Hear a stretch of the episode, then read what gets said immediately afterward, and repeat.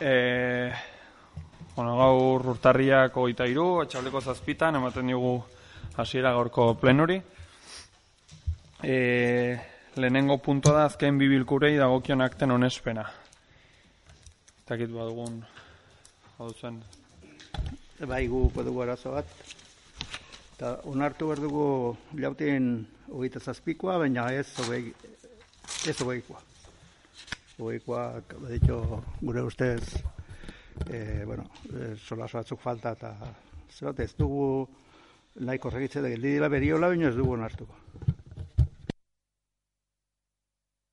Eta da, sartu nahi duzu zerbait edo...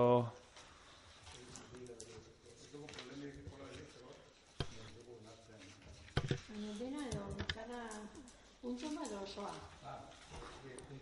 Bueno, diot, badira oso onartutako Egiten alda, igual gehitzen alda oharra audioan jasota dagola, zimaz, esan. Jarri, hau, jartzen alda aktan ezagite audioan jasota dagola. Eta hola hor dago, oza, nahi duen, erran dut gelitzeko etorkizunera edo jaso dela audioan, honetaz gain, eta diskrepantzia balin badire, pues nahi duenak irak aditzia, eta Nik gero, geroko ino nuke proposamena igual, eh, Andoni kondarraldara egiten zuen bezala, utza erran ez da zandu dela, eta akordioa zer den. Botuak zer botate hiri diren, eta akordioa nolakoa den, eta jazta hola ez du arazorik izanen. Nahi duena kaudioa ditu, adituko dut, ez duena nahi berek ikusiko du. Ba, bueno, nik aipatu normalen idazten dutena, fijatu, idazten dut e, gehiena edo alduten guztia, gero audioa ez badartu, azken bola, bueno, baten edo bitan suertatu den bazala. E, egin dezakegu nik nire oharrak hartu, gero o audioa konprobatu eta ados bali mazaudete, ba, ez sartu aktan erraten den guztia, e, akor, bakarra proposatu edo akordio hartzen den puntua besterik. Bai, lehenago problema izan zen batzutan alrebes tokatu zen. Horreitzen nahi zantzinko legintzaldin gu izan genula nozbait kejaren bat eta horregatik gintzen simplifikatu. Eske nik ulertzen dut ezin dela idatzi gu solasinariaren velozidadean, eta gera- denbora berean ere, e, ni neunek euskeraz solas unitz e, fallatzen ditut, ez dakit, ez da, ez da gramatikatua euskeraz, orduan e, oso zaila da segitzea, idazten segitzea, entzuten, entzuten da, baina idazten, e, ulertzen du nik, hori ez dela inon falloa, dela utza problema bat daukaguna hemen, eta soluzionatzen da oso aixa. Orduan, ongi ditzen bazaigu denak ere inen duguna da hori e, gehituko dugu puntu hori e, audioan badela eta eta hor rektifikatuko dela. Bigarren puntua, bueno, lagun pentsio bizitza duinen aldeko urtarrien oita marreko grebari, greba orokorrari babesteko proposamenari buruzko idatzia. Hor sartu genuen idatzi bat, e, mozio bat, hor ez dakit, e, baduzuen zerbait aipatzeko, edo Bai, baditu nahiko zapatzeko. Puntu hau tratatu baina lehen, nahi dut eh, gure elkartasuna eta laguntza alerazi, Abdelaban el hau, atzo sumilan hildako personan familiari, bere lankidei eta bere gerta, eh, gertuko laguneri. Baita azpimarratu nahi dut kasu honetan, eta okorik ez daile gertatu gehiago, lan prebentzioan parte hartzen duten eragile guztien implikazioa ezerbestekoa dela, elkarrekin arazo larri hau aurrera egiteko eta albada konpontzeko. E, lege araudiak zoroz betez eta kalitatezko enplegua sortuz. Honek ez du erran nahi, gaur hemen tratatu behar dugun gaiarekin, e, akzioarekin eta bere au- aurrera eramateko forma, formarekin ados gaudenik. Hori erranik eta az, e, aztetutako idatzia puntuz puntu irakurri ondoren, argi eta garbi edaten zaigo, inork ez daikela eskatzen duena aurka egon. Zer da, hemen eskatzen diren e, e, gauzak betetzea baino hobea ez dugu ikusten deus. Hori dena lortu ezkero ez dago gehiago eskatzerik, baina dena ametsa bat bertzerik ez dela iruditzen zaigu. Behin begiak ideki ezkero, eta ze lekutan aurkitzen garen ikusi ezkero, ikusten da dena ezinezkoa dela. herritarrak engainatzeko tresna bat dela, eta e, konvokatoria hau ez dela mo, ez momentuan eta ez e, gaiean azertua izan. Aurkeztutako idatzia honek dio orain duela sei urte eragile sozial ugari biltzen dituen herritarren eskubide sozialak biltzen dituen karta osatu zela. Bestetik dio, baita ere, Ego Euskal Herriko e, pentsiodunak mugimenduak bi urte daramazala pentsioduinak alde e, eskatzeko mobilizatzen. Baita ere dio, bi movimentua arteko konfluentzia eman dela orain. Hori ikusirik, eta aurrera joan aurretik, esan beharra dago, oso zaila dela zenbait puntuaren inguruko planteamendu bat egitea kasu teoriko gutxak baitira. Eta berze batzuetan, administrazio batera zuzentzen diren Nafarroko gobernura aldibidez, ez baitu honek gai hautara joateko eskumenik. Puntuz puntu, joango naiz, e, pixka deskribatzen gure ideak. Lehenbiziko puntuak dio, lesakako udalak greba oneri bere atxikimendua adirazi nahi diola. Ondoko puntuak entzun ondoren ikusiko dugu zer deziditzen den, gu ez gaudea dos puntu honekin. Bigarren puntuak dio, erakunde lan egiten duten personei instalazionak eskainiko dizkiela e, lanerako pensioak eta bizitza duinak lortzeko grebe egin dezaten. Denak ados gaude, pensioak eta bizitza duina izatea merezi, merezi dutela. Baina baita ere ados gaude, grebe eskubidea legez ezarriteko dagoela, eta bait, e, baina baita ere gutxieneko zerbitzua finkatzea beharrezkoa dela, eta hori ez du egin lesakako dalak. Beraz, lesakako e, lesaka zerbitzorik gabe geldituko da, udalak bat egiten badu greba honekin eta herritarren eskubideak mostea da hori. Hori ikusirik, ez da personei eskubideak gauzatzeko instalazioak eskaintzea edo ez. Nahi duenak egin dezake greba, bere eskubidea da. Baina baita ere, egia da, norbaitek lanera joan nahi baldin badu, ez duela inolako erazponerik behar. Ez piketerik, ez inolako trabarik, bediak itxeiak eta bar askotan gertatzen diren bezala. Hirugarren puntuan dio, lesakako dalak Euskal Herriko Karta Sozialari pensiodun mugimenduarekin batera adostu duen ada, e, adarrikapen taularekin bat egiten duela. Hau ere onartzeko moduko puntua da, guretzat, baina ez moduotan eta imposiziorik gabe. Hirugarren puntuak, lehendabiziko atalean dio, zein diren e, jaurlaritzak Madrilen ezarri beharko baldintzak. Aldarrikapen hau, hauekin ados egon gaitezke. Ba, erreformetan onartutako pension mosketa indargabetzarekin, dudik gabe ados gabezila, baita ere elan erreforma indargabetzarekin, eta gizarte segurantza eta enplegu pasiboko politikak gaineko eskumenak laga ditzatela eskatzeko.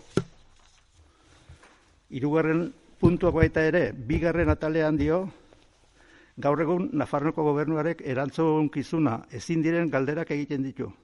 Hemen estatuaren e, e, baitan bauz, baitako ze asko gauz.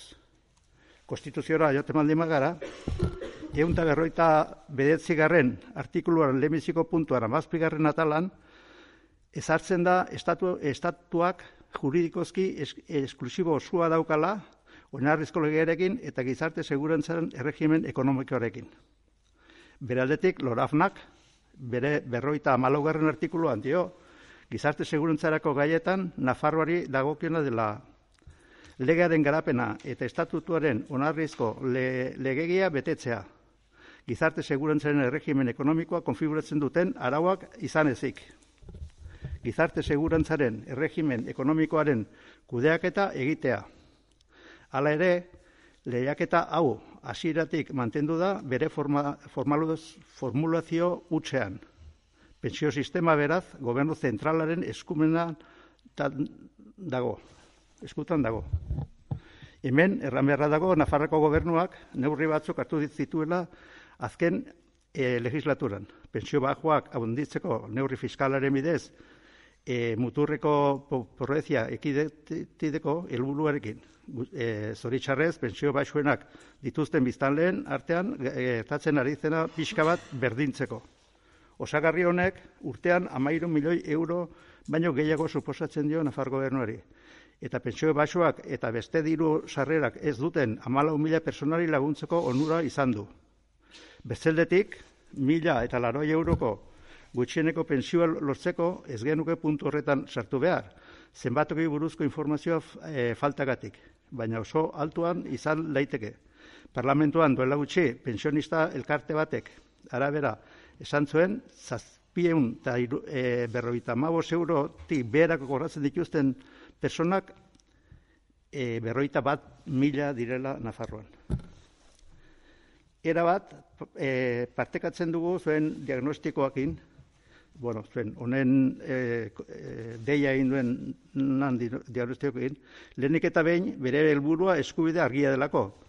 Pensiok definizio gisa e, ungizate estatuaren funtseko zutabea dira eta behin betiko eskubidea dira. Giza, giza eskubide bat, eta eskubide soziala, eskubide demokratikoa, merkatu edo merkatoratu ezin duzun eskubide bat.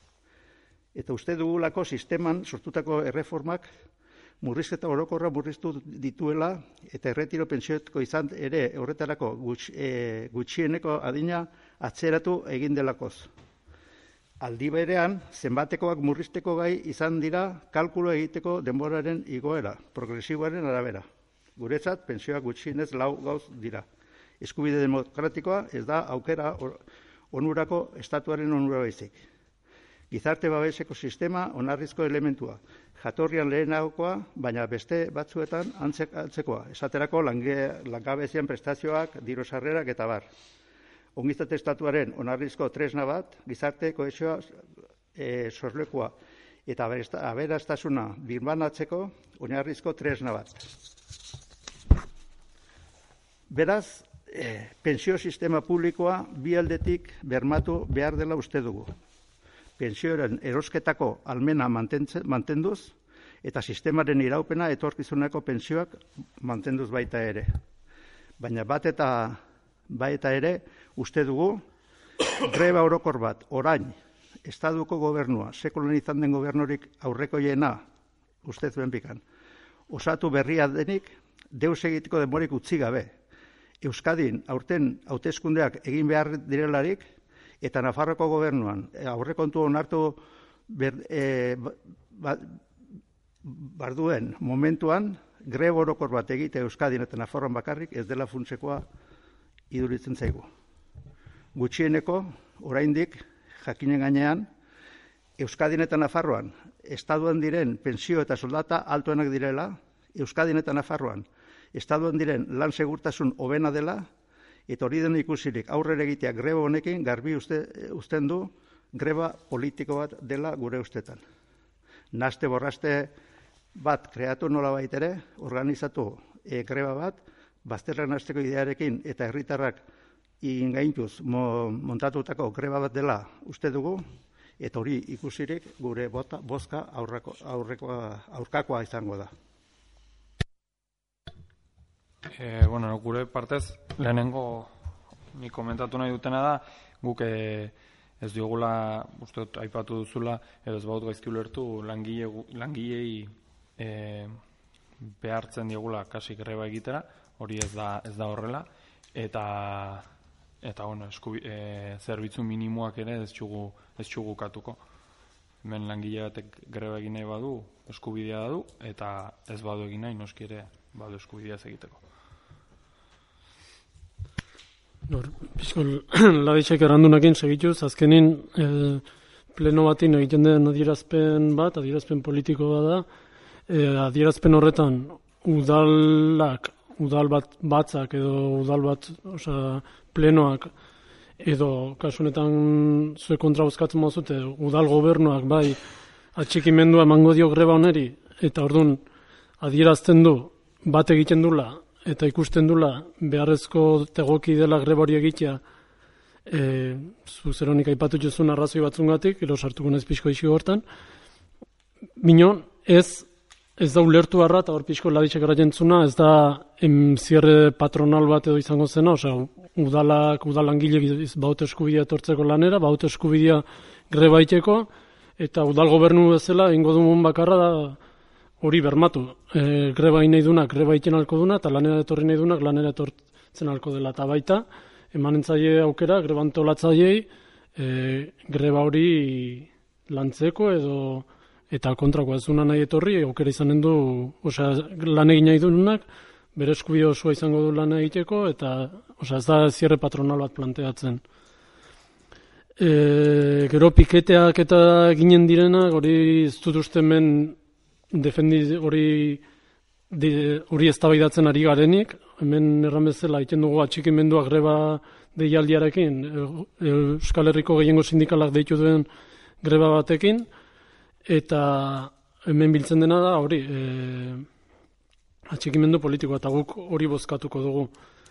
E, gero aipatu duzu, e, pixkot e, konkretuki sartu ze bereziki pentsioen kontuarekin eta eta bai aipatu duzu Espainiako gaur egun dagoen legediaren arabera konstituzioa aipatu duzu Nafarroko legedia eta e, nahiko mugatua dagola eskumena bai Nafarroko gobernuarentzat eta baita Eusko Jaurlaritzarentzat. E, bai badire kontu batzuk gaur egun legez ezartzen ditunak Espainiako gobernuak edo parlamentuak ez- ezartzen ditunak, bino baita baude medioak eta badituzte gerozu zeronik aipatu dituzu eskumenak edo gaitasunak baude abiez pentsio bajoenak edo osatzeko tresnak izaten altu bai Eusko Jaurlaritza eta gure kasuan Nafarroko gobernuak eta aldetzeko mila larogei euroko pentsio minimo horretara.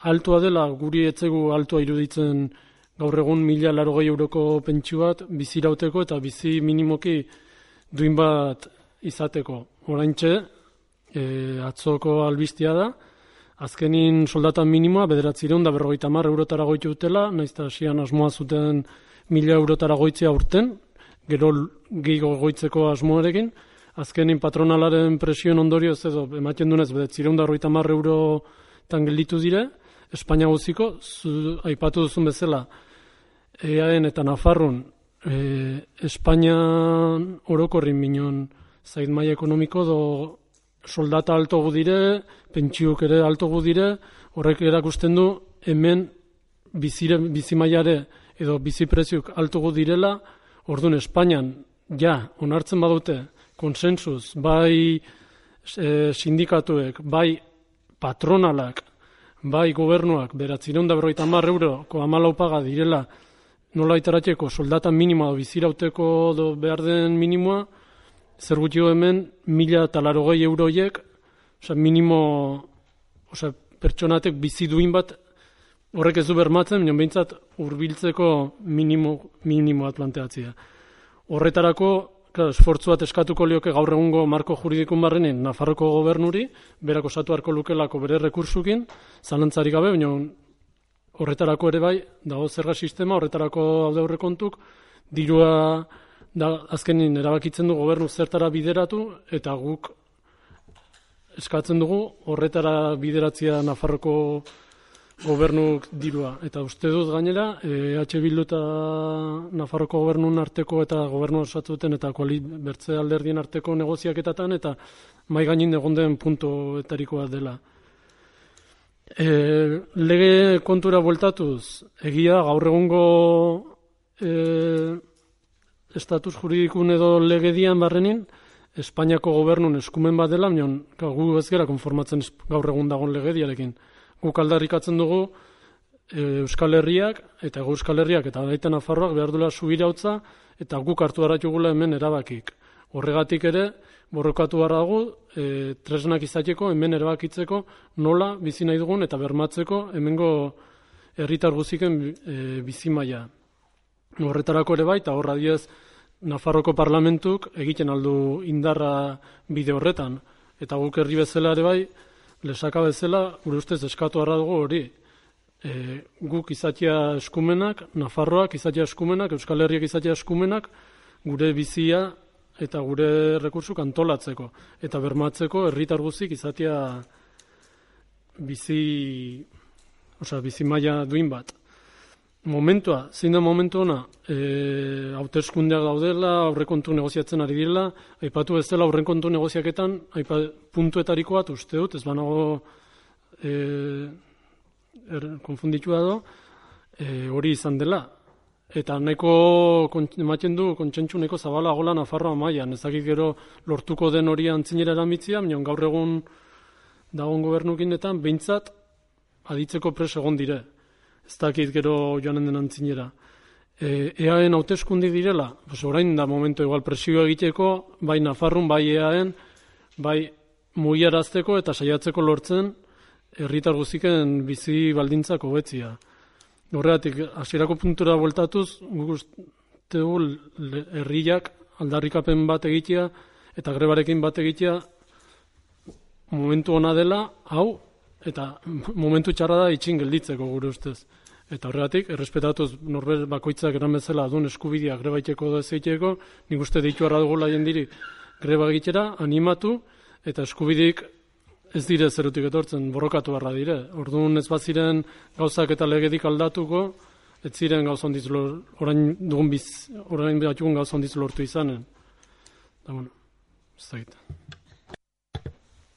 Bueno, pixkatak situazioa, nik ez dut erran, erran dut oso garbi uste dut e, greba derechoa dela eta denak daukagula grebara ibatekoa. E, erraten dena gutxieneko serviziuk nombratu behar direla, e, da denak egiten baldin badute e, huelga derrigorrezkoa da normat enpresa guzitan, klinika guzitan, zerbitzu publiko guzitan, normat bat bedenik gelditu beharko du. Zeteko bertzela, egit, e, o- nireke onar e, ados izan entzate, servizioak moztea dela. E, greba naiz apoiatu de- derrigorre servizio publikotan normat, normat, e, behar du izan, aunque sea e, larrialdi batean, e, pauso bat emateko aurrera, hori ez da dudik. Ez dugu inoiz ere erran, ez dugula e, mila eta laroei euron aurko ez dela, badakigu e, saiatu eta saiatuko gara, eta saiatu behar dugu, eta ala erran dut, e, hori lortzera joan behar dela, baina ez nik erran dutena da, Euskal Herri, osea, Euskal Herrian bakarra, Nafarroan eta Euskadin, egitea e, greba, ez zaitele duitzen oportunua. E, greba hau izan bazen, estado guzian, hariko ginen igual bertze gauza batekatikan solasean. E, bezalde, e, baita ere, e, so, soldata minimoak iganditun bazala, goberno zentralak, egiten aldu pauso eman. Eta presionatu bat zaio goberno zentralari, baina utza berriz ere bueltatuz, Nafarroan eta Euskadin bakarra egiten badun zu huelga, belarrik eta guzi txalo joko dute Madridan. Folio hemen dago bitartean lasai, ez dago dudik. Horrengatik, errandu momentua ez dela ona, goberno berria delakoz, hauteskundeak direlakoz, eta Nafarroako gobernuan e, puntu, e, justu justun puntu honetan e, ari direla e, aut- e, aurrekontua onartzen. Ikusiko dugu, zeate hitzen den badakit, nik ze ari diren negoziatzen, entetuan nago ni ere, baina e, ikusiko du zertan bukatzen den asuntoa. Ez dut uste, e, naiz puntu hori, e, e, mila eta lauroiko hori, negoziazioen maien gainean egon urte bat bete, betetzeko posibilitaterik badagoela Nafarroan, ez dut uste. E, erran duten bezala lehenago horrek ekarko lituzkoz konsekuentziak importanteak, zertoko e, jende piloa zertzen alda asunto horretan, eta e, kapazitatea behar da ekonomiko alde batetik, legalki alde batetik, eta baita ekonomiko aldetik ere hori aurrera mitzeko. Jaitxun puntu guziek, edo puntu guziekin ados egotea alginake. Ez zaigun ongi duitzen da momentua eta oportunitatea. Bueno, pues orduan pasatuko gara bozkatzera puntu hau. E, aldeko bozkak, sei. kontrako bozkak, bortz. Urrengo puntua, Nafarroko gobernuko hezkuntza departamentuko kanpolana programaren lankidetza hitzarmenen onespena. Honen berri baduzu zuek ere bai e, aurreko legegintzalditik, badakizu zer den. Orduan, bertze deus aipatzeko ez dakit baduzuen.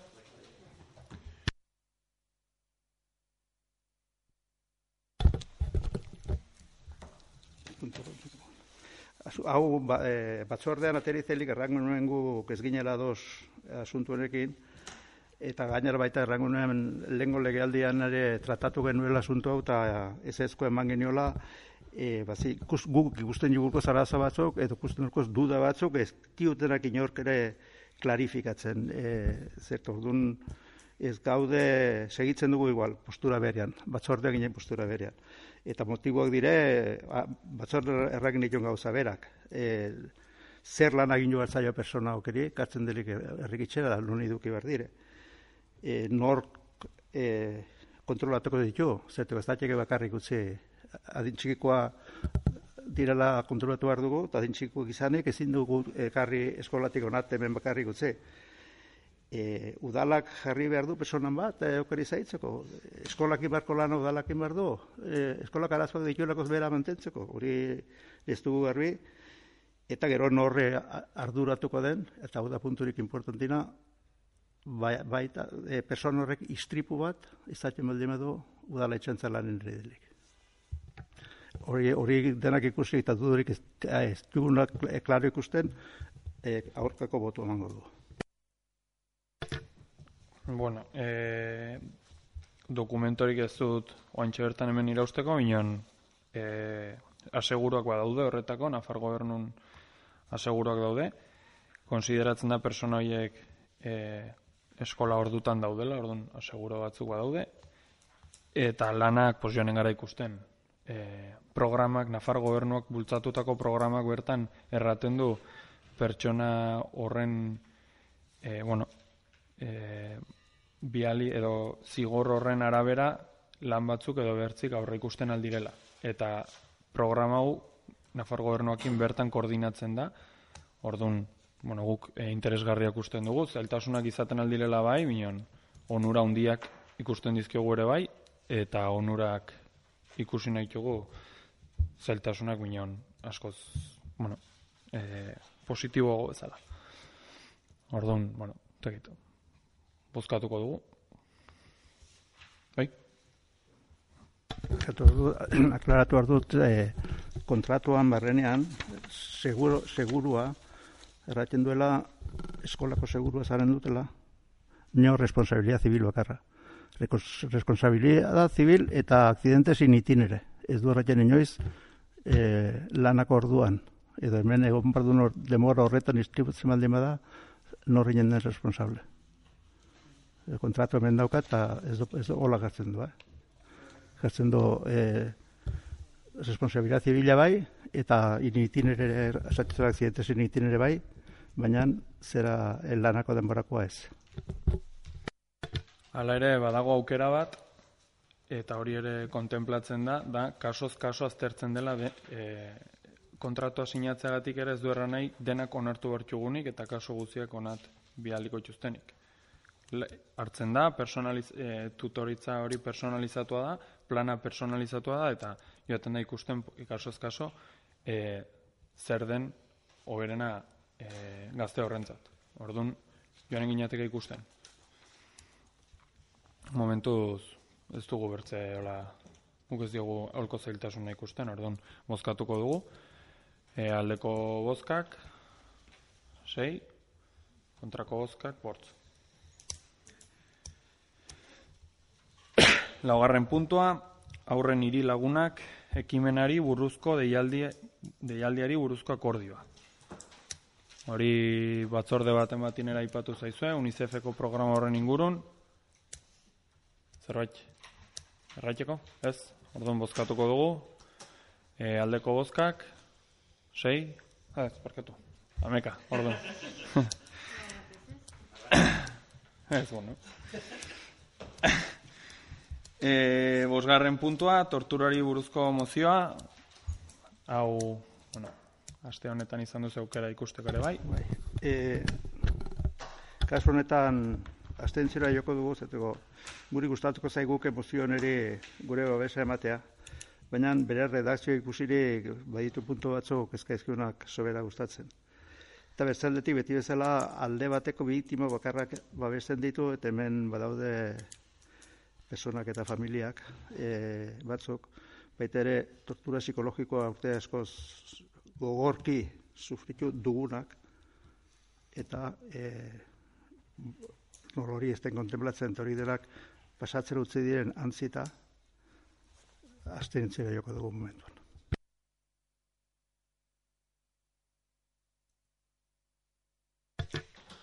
Bueno, pues, orduan bozkatuko dugu.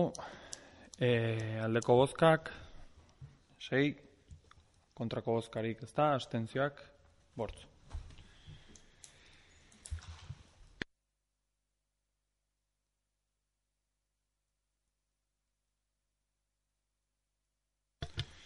Vale, segarren puntua, alkatetzaren berri, be, bazpenen berri ematea, ahitu zaizkizue. Bihar, bueno, azken azken hauek ez minoa. Orain arteko guztiak bai.